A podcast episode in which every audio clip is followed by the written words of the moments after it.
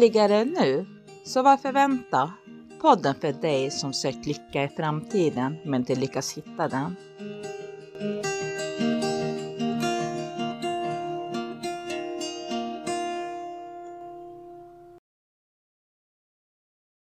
Hej Filip! Hej Niklas! Hur är läget? Ja, det är bra nu. Det här är ju första veckan tillbaka på jobbet. Mm.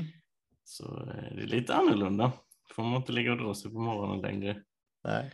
Men det, ja, det är rätt så gött att komma igång ändå, ändå tycker jag. Det är spännande med, med det som händer i höst och, och så. Ja, men härligt att, eh, att du har den känslan i kroppen. Det är kanske inte alla som kommer tillbaka till jobbet och, och har den känslan i, i kroppen just nu. Utan eh, kanske tycker det var skönare att ligga och dra sig i sängen eller, eller att det varit för mycket på jobbet som gör att saker och ting börjar snurra. Mm. Jag har ju varit fjärde veckan på jobbet nu, så för mig känns det ju som att jag, man, nu längtar man ju nästan till semester igen. Ja, ja, precis. Men det är roligt med de här äh, poddarna, att vi har kommit igång igen där. Vi hade ju en, en äh, härlig podd förra gången eh, Mm. som jag tyckte vi... Ja, men jag lyssnade på den och jag kände att ja, men det kom lite kloka ord ur oss. Och din supporterklubb håller ju ständigt med också, så att det är ju perfekt. Mm. Ja, absolut. Han har piggnat till över sommaren nu. Ja, badat i Blekingevatten. Ja, ja, det gör gott. Ja. Både för det inre och det yttre tror jag. Ja, det måste ha med vattnet att göra tror jag. Ja, ja, ja. det är energin där. Ja. ja, vad ska vi prata om idag då? Ja, jag tänkte väl prata lite om liksom om man verkligen ser eller om man är, är uppe i huvudet, uppe i tänkandet. Mm. Får se lite vad det tar vägen. Men jag ser ju dig. Gör du det? Ja. Betyder det att jag är uppe i huvudet eller? Eller tänker jag att jag ser dig? Det beror ju på lite vad du ser för någonting. Ja, jag vet inte om jag vågar säga det så här. Nej. Nej, men man kan väl ta liksom ett exempel om säg att man är ute och går i skogen. Mm. Ja, vi har pratat om innan visserligen, men eh, kanske i naturen generellt så. så kan man ju se träd och, och vatten till exempel. Och eh, antingen så ser man ju det och så liksom finns det tänkande bakom det. Ja, men där är en tall, där är en gran. Mm. Ja, det, nu kom en å, eh, mörkt vatten, Mm. eh, sådär.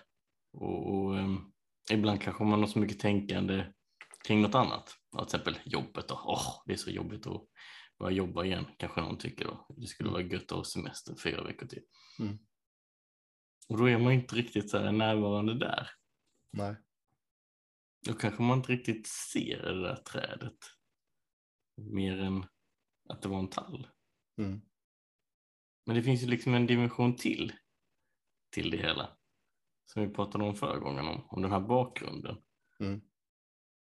Om man liksom slappnar av in i den här bakgrunden då, då ser man inte att det är en tall utan man, man ser liksom mer att det är ett, det är ett träd. Man, man Mm. bryr sig inte att det är en tall. Men, och så kan man på något sätt känna att den är där på något sätt. Eh, på ett djupare plan. Det blir liksom inte ytligt att nu har jag satt upp en liten etikett eh, där det står tall på alla tallar utan det, det finns en djupare känsla av, av någon slags gemenskap kanske man kan säga. Mm. Ja, men och framförallt att du får en, en känsla där. Och, och känslan att kunna koppla bort det som pågår i huvudet just då. Och tillåta att inte ha någonting i huvudet utan bara observera trädet eller vattnet eller, eller berget. Mm. Och på något sätt den känslan som kommer när, när allt stillnar. Så är det ju en, det är ingen tomhetskänsla utan det är en, en, en, eh, en känsla som innehåller väldigt, väldigt, väldigt mycket istället. Mm. Eh, Och som får, för mig är det så i vilket fall, som, som får min kropp att slappna av. Att kanske återhämta sig på, tillåta sig att återhämta sig från den stressen som kanske har varit under dagen på grund av att mitt, mitt tänkande upp i huvudet. Liksom. Men det, det handlar ju om att man måste våga att låta det träda fram. Mm. Eh, och, och, att det på något sätt ska, ska ske naturligt när man är där och, och går ut i naturen eller, eller som du och jag sitter och pratar nu. Det är inte jättemycket tankar om mitt jobb just nu när jag pratar med dig. Mm. Utan när jag ser dig här och nu så på något sätt så, så är det ju en koppling emellan oss. Trots att vi sitter vad är det, 30-40 mil ifrån varandra så är vi ändå närvarande. Och den närvaron känner jag ju i, i kroppen. Och på samma sätt så kan du ju känna det där trädets närvaro när du tillåter dig att få ditt stilla och ditt sinne att stilla. Mm. Eh. Precis, och det finns någon slags skönhet i, i naturen som man liksom intellektuellt inte riktigt kan se. Men när man är avslappnad, när man är mer i den där bakgrunden, så om man till exempel tittar på en eh, tallens eh, krona längst upp när solen kommer ner, mm. då är det ju fantastiskt vackert. Mm. Och då är, skulle jag säga att då är det precis som att trädet speglar någonting som finns inom en själv. Mm. Som är väldigt vackert, som, som då eh, kan växa och man kan uppleva mer om, om man inte redan var i, det tillståndet. Mm. Och det är väl likadant liksom när vi sitter här och pratar. I, kom jag från en närvarande eh, punkt, ett närvarande tillstånd, så, så är det lätt att, att du ser det och hamnar där också. Mm. Eh, så det är nästan alltid när vi pratar att man liksom efter ett par ord så faller man in i det där mm. liksom sköna känslan igen. Mm. Även fast vi inte har pratat någonting om det. Nej, nej, men det, det, det, sker liksom per automatik. Och jag tror att det är viktigt att säga att liksom, vi pratar ju om att vi hittar den här sköna känslan i naturen, men det är, det är ju inte, det är inte naturen som gör den sköna känslan egentligen. Eh, du kan ju få exakt samma sköna känsla när du kliver in i ett konferensrum inför ett möte och ska hålla en jättestor presentation. Om du, om du tillåter dig att vara närvarande i nuet då, när du ska hålla den här presentationen och ser människorna som sitter där som åhörare och, och landar i det så kommer det hända något magiskt där också med de människorna som sitter där. Mm. För utstrålar du ett lugn, en sinnesro, så kommer de känna det. Så, så hela atmosfären i rummet blir på något sätt ganska prestigelös skulle jag säga. Det, det, det, står ju inte så mycket på spel. Utan då kan man hålla den där äh, föredraget utifrån den känslan. Utifrån det fritt flödande tankesättet, precis som du och jag gör när vi pratar, så kommer orden komma automatiskt. Ja, men precis. Men anledningen till att jag pratar mycket om naturen är för att om man är liksom ute i liksom, vad ska man säga, riktig natur, när man inte är, eh, det är skillnad när man är i en park till exempel, mm. så där någon liksom intellektuellt har planerat att nu ska träden stå i rader så och så ska de stå så och så ska man rabatt där. Då kan man liksom intellektuellt se att ja, men, så här tänkte de och det skulle vara så här och jag uppfattade så och det är jättesnyggt. Mm. Men om jag går ut i naturen där ingen har liksom skogat eh, bort all sly och så vidare, då tycker ju intellektet att det är lite störigt. Mm. Men om man liksom lyckas gå ur det, slappna av, så finns det någonting naturligt där som påminner en om det här sköna avslappnade tillståndet. Mm. Och eh, i alla fall för mig är det lite lättare än om jag går in i ett konferensrum och liksom ser att ja, men, den som var här förra gången har inte städat eller eh, någon har glömt kvar sin kaffekopp och eh, datorn funkar inte. Och, alltså, mm. Det finns så mycket där i den miljön som på något sätt kan trigga någonting eller påminna en om något, någonting och, Mm. och så. Eh, Går man bara ut och tittar på ja, även till exempel Göta kanal här, här borta som, som visserligen är byggt av, av människor så finns det ändå något naturligt där i, i vattnet som kan vara väldigt rogivande och, och bara titta. Jo, men det, går vi ut i det orörda så på något sätt så visar det ju att naturen har sin gång. Mm. Eh, tittar vi på en, en, en flod som, som rinner framåt sakta så har det också sin gång. Vilket kan, kan återuppväcka den känslan i, i oss själva, precis som du säger.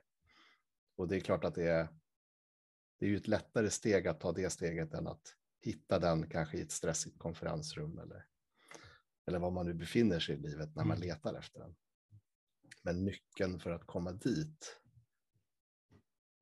är ju på något sätt att inte fokusera så mycket upp i huvudet. Mm. Utan landa i, i dig själv och, och landa i, i, i hjärtat liksom på något sätt. Du, du beskrev det bra med, med på ett, en föreläsning som vi hade med Kelly, eller om vi bara pratade med Kelly. Eller jag tror att det var vår podd med Kelly om det här ankaret. Liksom. Att, att man har ett ankare som, som på något sätt sitter fast i hjärtat. Och att man hittar den där tampen eller, eller tråden eller kättingen som leder ner till det ankaret och känner den kopplingen. Så, så på något sätt så, är- så är det en enorm trygghet i att, att ha hittat den. Eh, Mm. och då Precis går man inte bort sig så. Man, man går bort sig men man hittar tillbaka rätt. Mm. Eh, Ja, och, och ibland när man hamnar i en väldigt utmanande situation så, så om man tror att nu är det minst sannolikt att jag hamnar där så kan man bara hamna där i alla fall. Mm.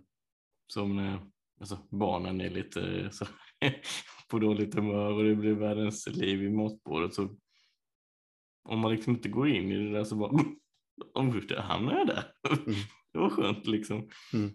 Eh, Så det, det som du säger, det har ju inte egentligen med naturen att göra fast vi är ju en del av naturen så Mm. det hänger ju ihop.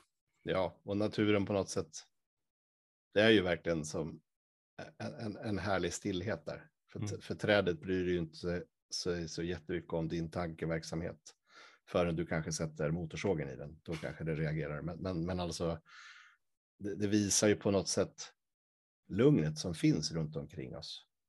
Som vi alla är skapta av. Men som vi har glömt bort. Att vi ska jäkta jämt eller vi ska göra det eller vi måste nå det. Men, men, men livet är ju från grunden lugnt, kärleksfullt och sinnesro. Det är lite som en annan dimension egentligen Mm. som, eh, som inte jag var medveten om tidigare riktigt innan jag liksom fick den här förståelsen. Man kunde se glimsar av det liksom. Men då trodde man alltid att det hade med något yttre att göra. Att, Mm. ja men nu, ute och kör med min, eh, min bil här som jag trivs med just nu. Eller Mm. man eh, slappnar av för man är själv hemma och dricker en kopp kaffe eller vad det kan vara. Liksom. Det gick alltid kopplat till något yttre. Det, Mm. Jag såg inte den här, att det var en inre di- dimension som, som det handlade om egentligen. Eller den där härliga vårdagen som kommer när, när solen börjar värma och det börjar komma takdropp från, från eh, stuprören. Så ja, men det måste ju ha med takdroppet att göra, att man mår så bra just då. Liksom. Ja, men det, men man, man, man tror verkligen att, att allt yttre påverkar oss. Mm. Och det hoppfulla är väl att om vi har hittat det, du och jag, och många, många fler som, som finns inom 3P, eh, eh, personeriet och inte bara 3P utan även andra filosofier som finns runt om i världen som pekar just i den här riktningen så, så kan ju vem, vem som helst, vilken människa som helst hitta det för att det kommer ju från samma ursprung.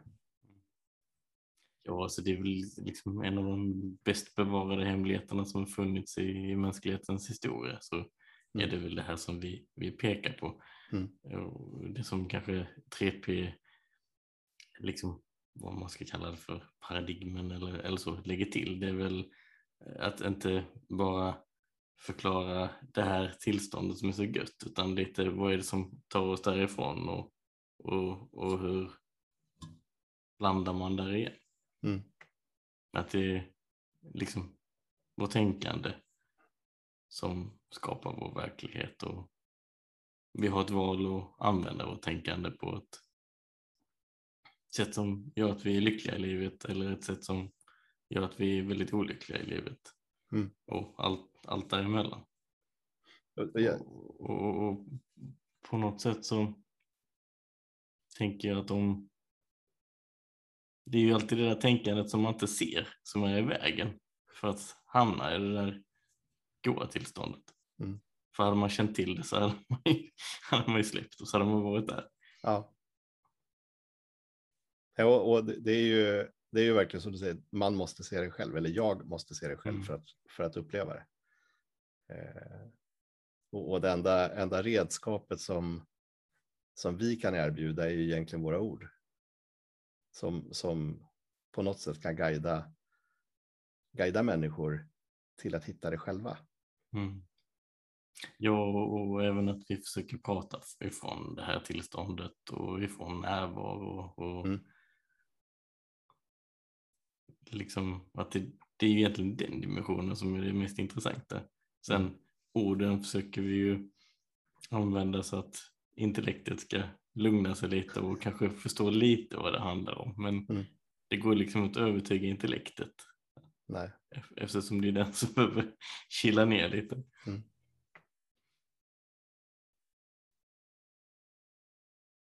Men det här med att vi, att vi ser, kan det, vi, har ju lite olika sinnen. Mm. Gäller det samma för med känsla? Ja, det är ju det är precis samma. Liksom är, man, är man väldigt uppe i huvudet så känner man inte det man tar på. Det, det tycker jag är ett bra sätt att känna om man är närvarande. Det är att, om man gör någonting, alltså det är enkelt, man plockar i disken till exempel. Ja, men känner jag verkligen besticken som jag sätter ner Mm. på tallrikarna och sådär. Om man gör det så har man lite en annan nivå av närvaro och det har man inte lika uppe i huvudet. E- Eller som det här som, som vi har pratat om många gånger, om man kan känna sin hand. Liksom att det, det, det finns någonting på något sätt eh, liksom bortom det vi kan se, bortom det fysiska som man kan känna. Mm. Och, det, och på något sätt är det ju på något sätt något motsvarande som man känner med trädet. Mm. Det, det finns någonting där bortom det bara fysiska som vi ser med ögonen. Mm. Det där fysiska som är 99,9 procent tomhet Mm. som ändå är full av potential. Mm. Så det, det är väl också ett tips liksom att försöka känna efter. Kan jag känna att det finns någonting här i min höger hand och min vänstra hand och högra fot och vänstra fot tillsammans. Mm. Och så ser man kan känna något mer. Kan jag känna ja, men handleden till exempel eller kan jag känna öronen eller fingrarna. Alltså så. Om man Mm. går runt kroppen och, och känner efter det där så känner man att det finns någonting där. Och lägger man fokus på det så går det ner lite i, i huvudet liksom. Mm. Och man känner kanske mer av den här bakgrunden som vi pratade om i, i förra podden. Mm. Ja, du blir mer av himlen än att vara inne i molnet. Liksom. Mm. Det, det, det var en riktigt bra metafor där. Eh, Idag när jag satt och åkte upp till, till en kundresa så var det sjukt mycket moln på himlen. Men däremellan så lös himlen och jag tänkte, äh, vad härligt att man är den där himlen idag. Jag behöver inte gå in i det där molnet just nu i, i den här diskussionen. Och, eh, ja, men den, den kan påminna en om att, att faktiskt att vi, är- vi är allt för ofta vi människor uppe i, inne i ett moln Mm. istället för att se klarheten. Och den där liksom när man tittar på himlen, den där rymden som man kan känna liksom att oj vad långt bort det är, vad liten jag är. Mm. Den här liksom rymden, den, den har vi inom oss också. Mm. Alltså, när man inte är väldigt, väldigt mycket uppe i huvudet utan man är mer i bakgrunden då, då finns det den här rymden. Det är inte det där sammandragna, åh jobbet är så jobbigt nu efter semestern utan det är bara, ja, kanske inte trivdes så bra på jobbet idag, vad man måste hitta på någonting men det är liksom det är inte så absolut superviktigt utan det, det finns, finns lite luft där, det finns utrymme. Då kan man reflektera, man kanske ska göra någonting annat då. Ja. Eh, nu var det inte jag som sa det, utan det var bara ett exempel. Ja, det är bra så att inte arbetsgivarna hör av sig och säger vad håller du på med, ska du säga upp dig? men men det, det, är precis som du säger, att det, det, är så himla lätt att, att fastna där uppe i huvudet och, och vara där hela tiden och tycka att allting är så himla viktigt. Eh, och framför allt att gå ifrån nuet. Mm. Eh, för även om jobbet har varit piss idag, eller om barnen har varit för jäkla idag, eller mm. jag fick den där p-boten idag, så tre timmar senare så händer ju inte det. Och om du tre timmar senare tillåter dig att, att bli himlen istället för att vara uppe i molnet så kan du faktiskt må bra trots det som hände. Och, och, det är det som är så himla hoppfullt. Att om vi tillåter oss och vågar lämna molnet och tillåter oss att alltid stanna eller så ofta som möjligt vara i, i stunden av nu så mår vi ju bra som människor. Och mår vi bra som människor så hinner kroppen med det som, som den ska göra för oss. Andas och bygga nya celler och reparera det som är skadat. Vilket gör att vi kanske orkar mer nästa dag än vad vi skulle göra om vi var uppe i molnet och spände oss och, och inte fick tillräckligt med syre så att vi kunde syresätta blodet så att processen för att reparera den skadan som uppkom under dagen tar längre tid. Mm. Ja, jag, eh, jag, tänkte på det eh, lite innan att det här med tid är ju väldigt intressant. Alltså när vi är i den här bakgrunden så finns ju inte tid. Det, det är ingen dimension som finns i den här bakgrunden i, i, den, i den dimensionen. Men i den här fysiska världen som vi är i här så är ju tiden ett faktum. Mm. Även om den är väldigt, ja alltså det går ju att mäta den och det kan vara så väldigt definitivt ibland. Och sen ibland så, så har man liksom ingen känsla av tid längre. Man, det kan ha gått ett och ett halvt år och så har man inte träffat en person och så träffar man den igen och så känns det som att det var igår. Mm. Eller om vi sitter och pratar så kan det kännas som att det har gått fem minuter fast det har gått 50 minuter. Mm. Så det, det är något lurigt med tid. Mm. Eh, men eh, liksom i den här fysiska världen så är det ju ändå ett faktum på något sätt att, att tid finns, vi kan mäta tid och vi behöver förhålla oss till tid. Mm. Man kanske behöver vara på jobbet vid en viss tid och man kanske behöver vara hemma vid en annan tid och så. Men det som är jobbigt för oss människor det är ju den här liksom, psykologiska tiden när, när man börjar tänka på tid och tid är det som styr ens tänkande. Mm. Ja, men, eh, jag måste börja jobba nu eller jag måste göra det där nu och jag måste göra det här snabbare så jag hinner dit. Liksom det, mm. det är då tid blir ett problem. Mm. Men om, om man bara använder det liksom som ett praktiskt redskap att ja, men du och jag vi försökte träffas klockan sju ikväll till exempel. Mm. Det var ju ganska praktiskt att vi kom överens om det så att inte jag satt där klockan sex och det kom vid åtta till exempel. Ja. Det hade varit ganska opraktiskt. Liksom. Ja, precis. Ja, men det är en del av att vara människa att faktiskt mm. förhålla sig till det, den tiden. Men att, att inte fasta i den är ju lika viktigt. På, på, lika viktigt egentligen som att, att, att förhålla sig till den, skulle jag mm. säga.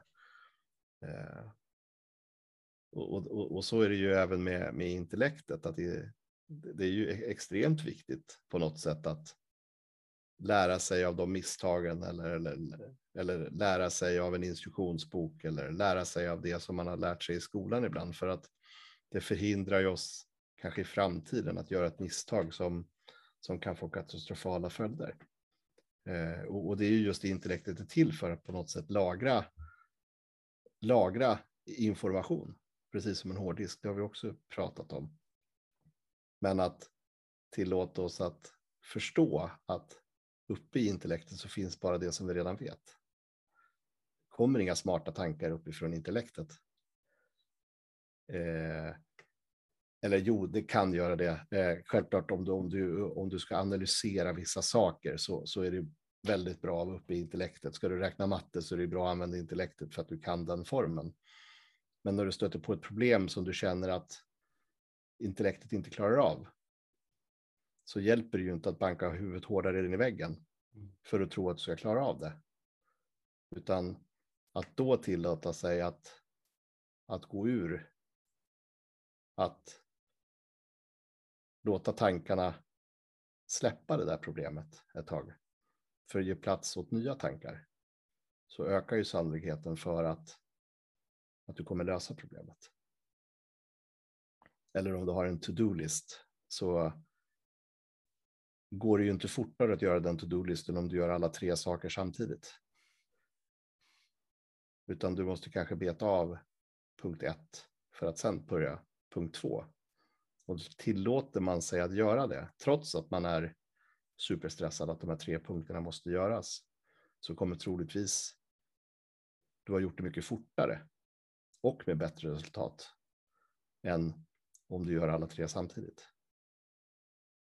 Det, det är som att försöka skriva ett mejl samtidigt som du pratar i ett annat samtal. Det går liksom inte. Nej, och då är det lätt att det blir konflikter också. Mm. Om du sitter lite halvt närvarande och så försöker du prata med mig och så, så känner jag att vi inte har en koppling ens liksom, om jag är närvarande. Och är inte jag närvarande då hinner jag ju sitta och elda upp mig ordentligt för att du är så himla nonchalant och svarar inte rätt sak och, och liksom, det kan ju bli helt okej. Mm. Men det är så konflikter uppstår. Mm. Inom, inom familjen och inom, inom kollegiet, i, bland lärare eller bland arbetsplatsen. Att man sitter och pratar om saker och en person vill säga någonting viktigt till dig. Mm. Men du lyssnar inte. Mm. Nej, precis. Och jag, jag hade ett eh, exempel på, på jobbet också. Eh, att det var en person som ja, i hans eller hennes verklighet upplevde att det var bestämt att någonting skulle fungera på ett visst sätt. Och då blev väldigt upprörd för att det skulle inte funka för den här verksamheten. Nej. Och, och eh, blev väldigt upprörd över det där och, och skrev ja, ett långt brev eller mejl. Och det där och den som fick mejlet han såg ju direkt att men det stämmer ju inte det här. Alltså kritiken hade ju varit rätt om, om beskrivningen hade varit så, men beskrivningen var ju fel. Mm. Så att det, det, liksom, det följer på något sätt som ett korthus. Mm. Och då har man ju på något sätt ett val när man tar emot ett sånt mejl och, och ser att ja, men han som skrev det eller hon som skrev det kanske var lite liksom felinformerad, var lite upp i huvudet i sitt tänkande och kanske inte hade klarhet. Mm. Och så på något sätt, om man ser det så kan man ju återmata det på något bra sätt. Eller kan man ju bara reagera sådär jäkla instinktivt och skicka ett, ett liksom hatmejl tillbaka. Ja. Och sen är kriget igång. Sen är kriget igång. Och liksom egot vill ju gärna det. Liksom, jag ska ha rätt liksom. Jag har aldrig gjort det tidigare. Aldrig. Nej, men om man, det som jag skulle vilja komma till är ju lite om man kan se den andra personens oskyldighet. Att, alltså jag tror ju i alla fall att folk gör ju inte någonting av ren djävulskap utan på något sätt så verkar det ju vettigt för den personen att påpeka att nu håller ni på att göra något jätteknasigt här. Mm. Och, och, jag vill säga nej, det här funkar inte. Mm. Och jag menar, hade den personen vetat att informationen han hade fått var fel Mm. och att kanske den andra personen inte blir jätteglad vid det där bemötandet, då skulle det, den personen antagligen inte gjort så. Nej. Men eftersom den gjorde det så verkar det ju antagligen vettigt för, för han eller hon att göra så. Mm. Då kan man liksom se att det finns en, någon form av oskyldighet där och distansera sig lite till det hela. Så eh, eldar man ju inte på den här konflikten. Nej. Ja, och, det, och det är väl just det som, som vi gör. Vi eldar på alldeles för mycket konflikter och det är Mm. det som ju ska, skapar egentligen ännu mer tänkande. Mm. För när du väl har skickat iväg det där mejlet så förväntar du dig kanske ett svar på som är lika spydigt tillbaka och då har man redan börjat tänka på vad ska jag svara på det Mm. svaret liksom. Ja, och då läser man inte det heller utan man ser bara det som man själv tycker att det Mm. står där. Ja, men så är det. Alltså, ibland kan det vara bra att, att ta några kliv tillbaka och, och stilla och sen läsa en gång till. Liksom. Är det riktigt jobbigt så svarar man ju dagen efter. För att då liksom ser ja, Ja, ibland behöver man inte ens, ibland behöver man inte ens svara eh, heller, eh, Mm. utan kanske bättre att lyfta telefonen och ta ett samtal eller ännu Mm. bättre att träffas face to face. Mm, mm. Eh, för vi människor är ju på något sätt, vi är ju sammankopplade oavsett om vi vill det eller inte. Och när vi står öga mot öga med en annan människa så blir det oftast lättare att hantera en, en konfliktsituation än via ett mejl. Mm. För du vet aldrig vilken sinnesstämning som mottagaren är i när du trycker på enter-knappen för att skicka iväg det. Nej, det går ju så mycket information förlorad där. Mm. Eh, Det är ju liksom, ja, det är några bokstäver som ska eh, bilda ord och meningar men man tappar hela känslan bakom det hela och nyanserna är ju också ofta svåra. Mm. Mm. Ja, men, och, och det hänger ju ihop med, med alla våra sinnen. Mm. Det är exakt likadant med, med, med det vi smakar. Eh, med mat. Att, Ja, efter man fått ett sånt där jäkla mejl så smakar ju maten inte så vidare gott. Liksom. nej, det- nej, men den är ju inte det. Eh, och är du superstressad när du går in i måltiden så hinner du inte smaka maten heller. Mm. Utan det, det blir på något sätt ett görande att du ska trycka i dig den där maten för att sen gå vidare till nästa steg. Men, men eh, om du tar dig tid någon extra minut och, och verkligen smaka på maten Mm. Och tillåter smaken att, att på något sätt väcka någonting inom kroppen också. Så och inte har så mycket tankar om det. Mm. För tankarna hindrar ju dina smaker från att komma fram också. Mm. Ja, men absolut. Jag vet när man har varit på olika här, eh, dryckesprovningar och man har kommit från jobbet och varit lite sådär varvad lite eh, upp i huvudet och, och sådär. Alltså det är ju helt omöjligt att känna vad, varken vad det luktar eller, eller smakar för någonting för man är inte närvarande där. Nej. Och för att, det, för att det smakade illa en gång Mm. så behöver det ju faktiskt inte smaka illa varenda gång. Mm. För det beror ju helt på, som, du, som vi säger, att vilken sinnesstämning var det i när du smakade förra gången. Mm. Var du stressad eller, eller var du alldeles för mycket upp i huvudet så, så kanske du inte kände den rätta smaken av maträtten till exempel. Eller vinet eller Mm. kolan eller, Mm. eller vad det nu är. Så det kan ju vara värt att prova en gång till. Utan att gå in med intellektet att det här smakade illa förra gången. För då kommer det smaka illa den här gången också med största sannolikhet. Eh, Vi, vi odlar ju lite grönsaker här hemma och, och zucchini är ju en väldigt lättväxt, eh, eller lättodlad eh, grönsak. Och min son har ju fått någon dille av att zucchini, det går inte, han, det är så äckligt. Men, men eh, där, där får jag tacka min fru att hon med, med en dåres envishet fortsätter att laga olika typer av maträtter med zucchini i. Mm.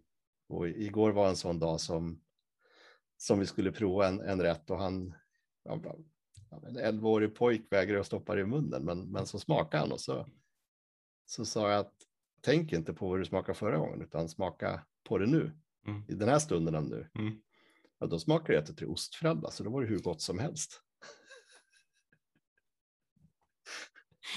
Ja. Ja, det är underbart. Det, där. det är som eh, min dotter, hon har ju väldigt svårt för mat med smält ost på. Mm. Men eh, en grej som hon riktigt uppskattar, det är pizza. Mm. mm.